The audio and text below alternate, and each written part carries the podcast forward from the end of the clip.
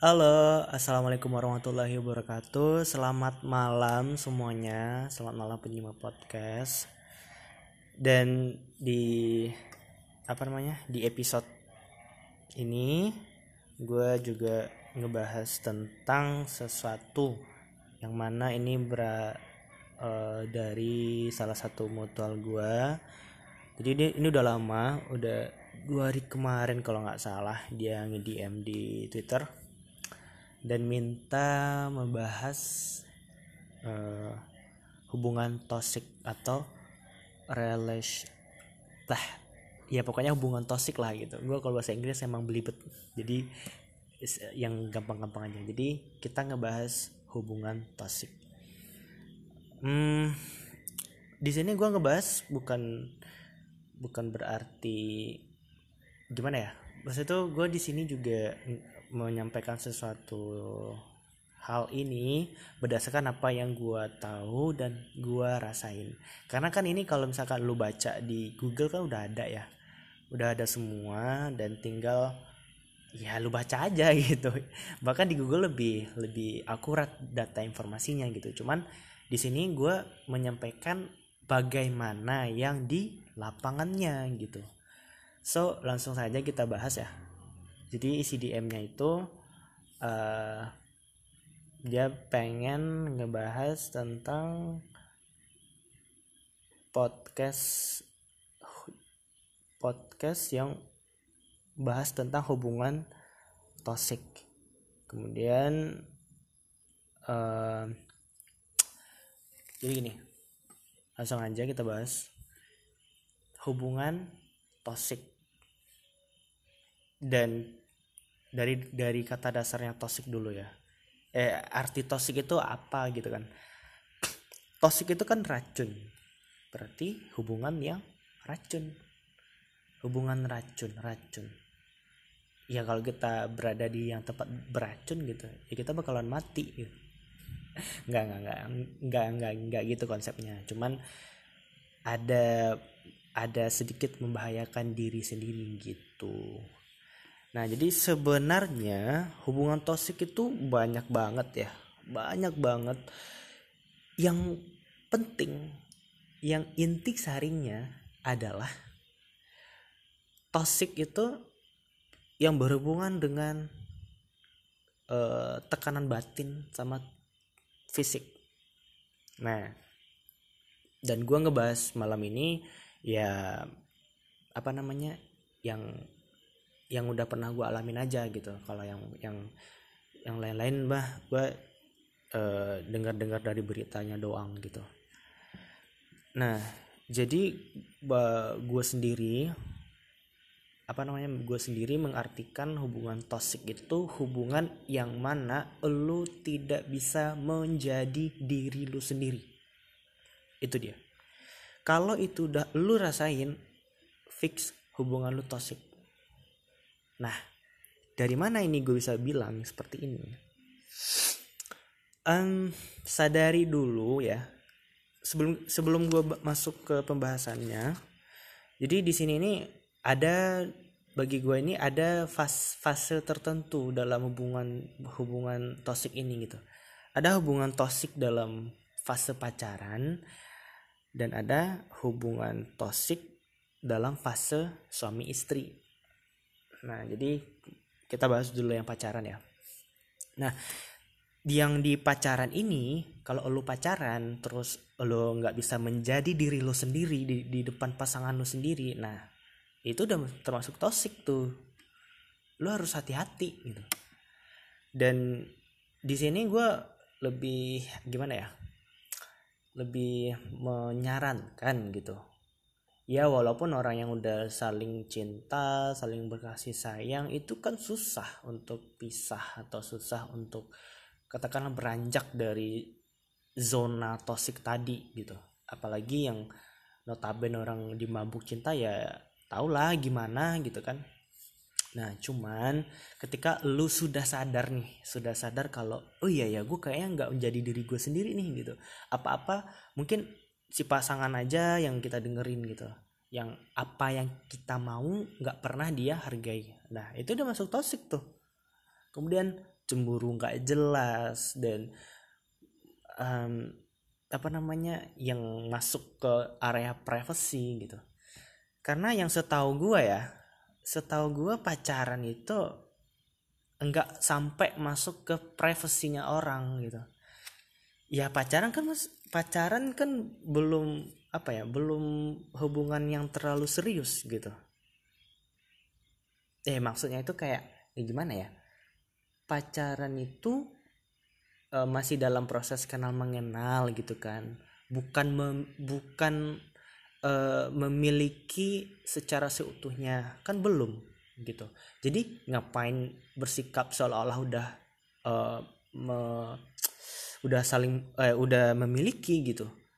Belum lagi yang di uh, posesifnya apa segala macem gitu.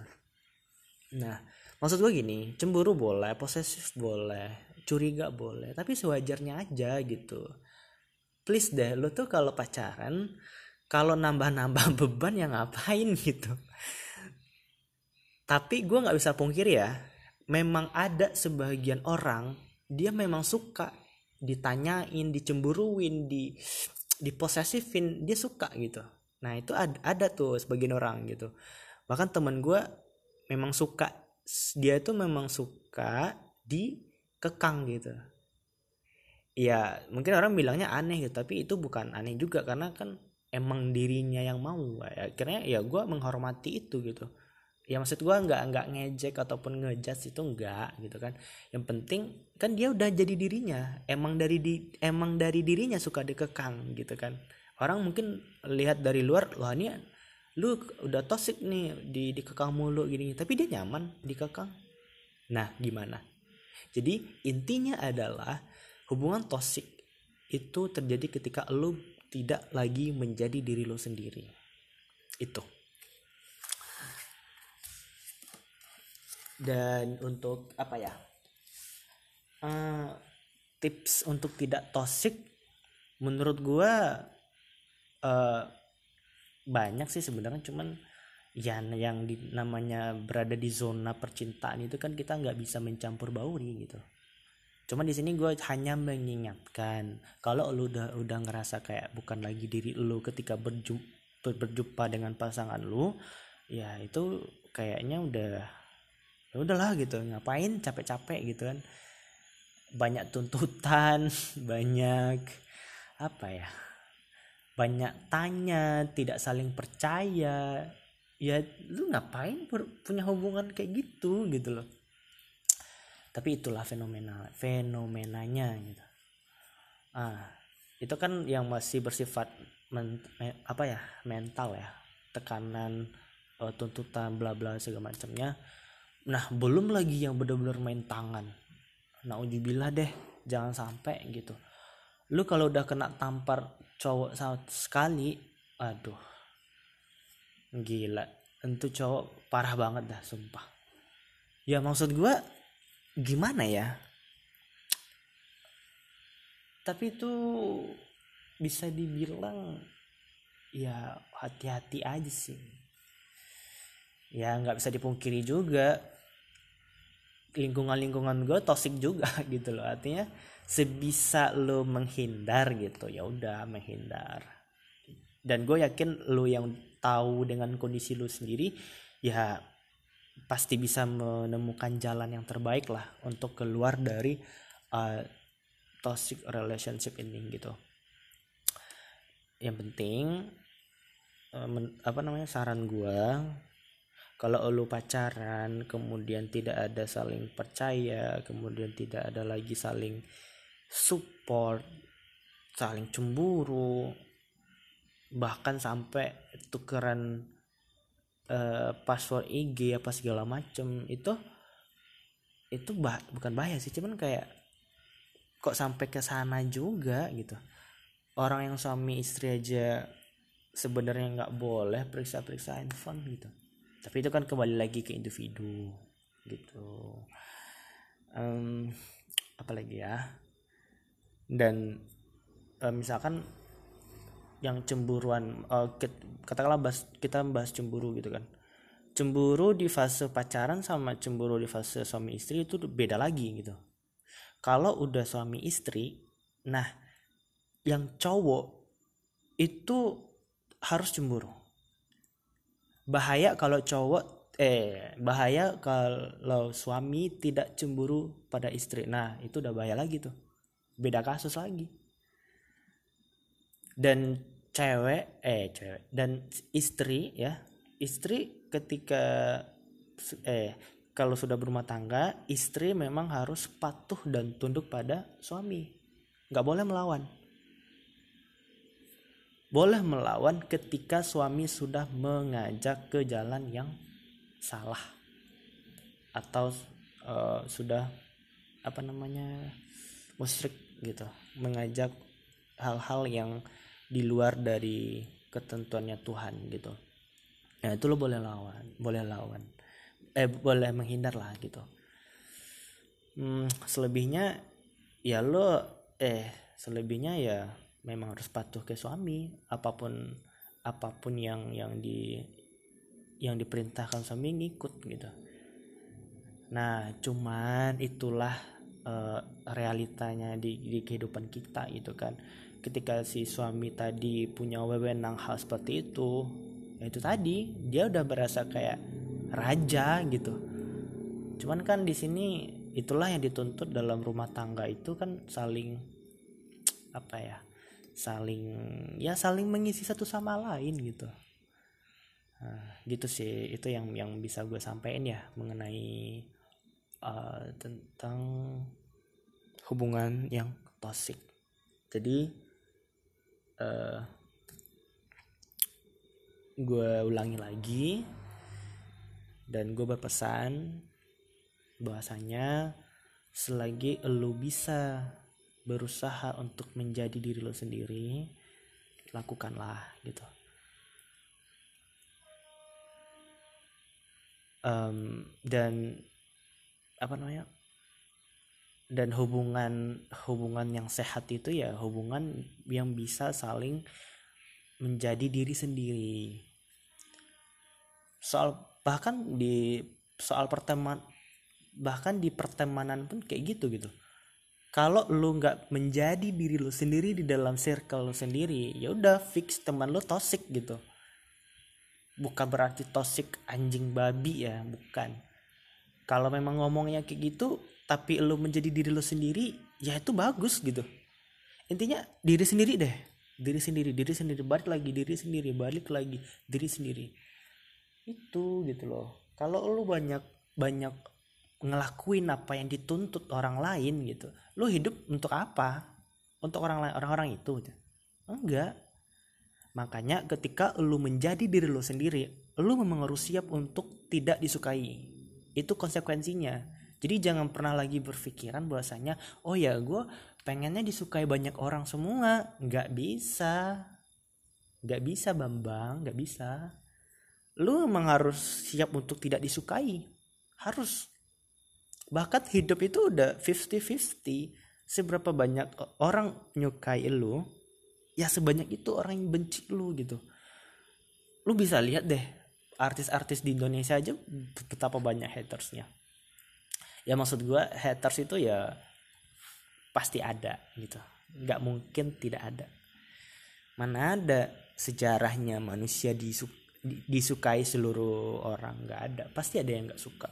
Nah jadi ketika lo udah menyadari itu maka lo mulailah untuk menjadi diri lo sendiri. Karena menjadi diri sendiri itu pasti ada aja yang lain dari yang lain. Itulah yang dikatakan unik unik gitu. Contoh kasus deh yang gue bawain sendiri sama diri gue sendiri dah. Gue uh, orangnya sekarang ini udah mulai bodo amat sama style gitu sama fashion gitu. Udah nggak terlalu menggebu-gebu lagi untuk gaya-gayaan uh, mencari ah gimana ya maksa untuk terlihat ganteng gitu. Enggak udah nggak lagi gitu. Sekarang ini gue lebih mementingkan nyaman gitu. Ya gue misalkan uh, suka gue suka pakai uh, sendal gitu swallow sendal swallow dan kurang nyaman kalau pakai sepatu kecuali pakai sepatu itu dalam jarak-jarak jauh gitu. Akhirnya ya gue beraniin diri untuk pakai sandal swallow. Yang mana gue diejek bahkan mama gue sendiri ngecek ya elah ini sandal WC lu pakai gitu loh. Bayangin coba. Keluarga sendiri emak sendiri bilang anaknya pakai sandal WC gitu. Itu kayak ya siapa sih yang nggak ada jengkel sedikit gitu? Tapi ya ya gimana lagi? Gue nyamannya kayak gitu gitu loh. Nggak bisa gue paksain pakai sepatu nggak nyaman jadi beban. Ngapain? Ngapain coba? Itu salah satu untuk men menjadi proses menjadi diri sendiri. Dan nggak nggak tidak gampang ya. Butuh perjuangan dan proses yang cukup panjang menjadi diri sendiri karena menjadi diri sendiri itu bisa bisa saja melawan arus gitu. Karena tiap-tiap orang itu unik dan ada aja yang bertentangan dari yang lain-lainnya gitu. Jadi uh, itulah yang bisa gue sampein ya. Dan apa lagi ya? Ya mungkin itu aja yang bisa gue sampein. Jadi uh, untuk di penutup gue berdoa selalu pada yang lagi dengerin dan orang-orang di luaran sana semoga bisa menemukan jodoh yang baik kemudian pasangan yang benar-benar um, apa ya uh, saling mengisi satu sama lain. Dan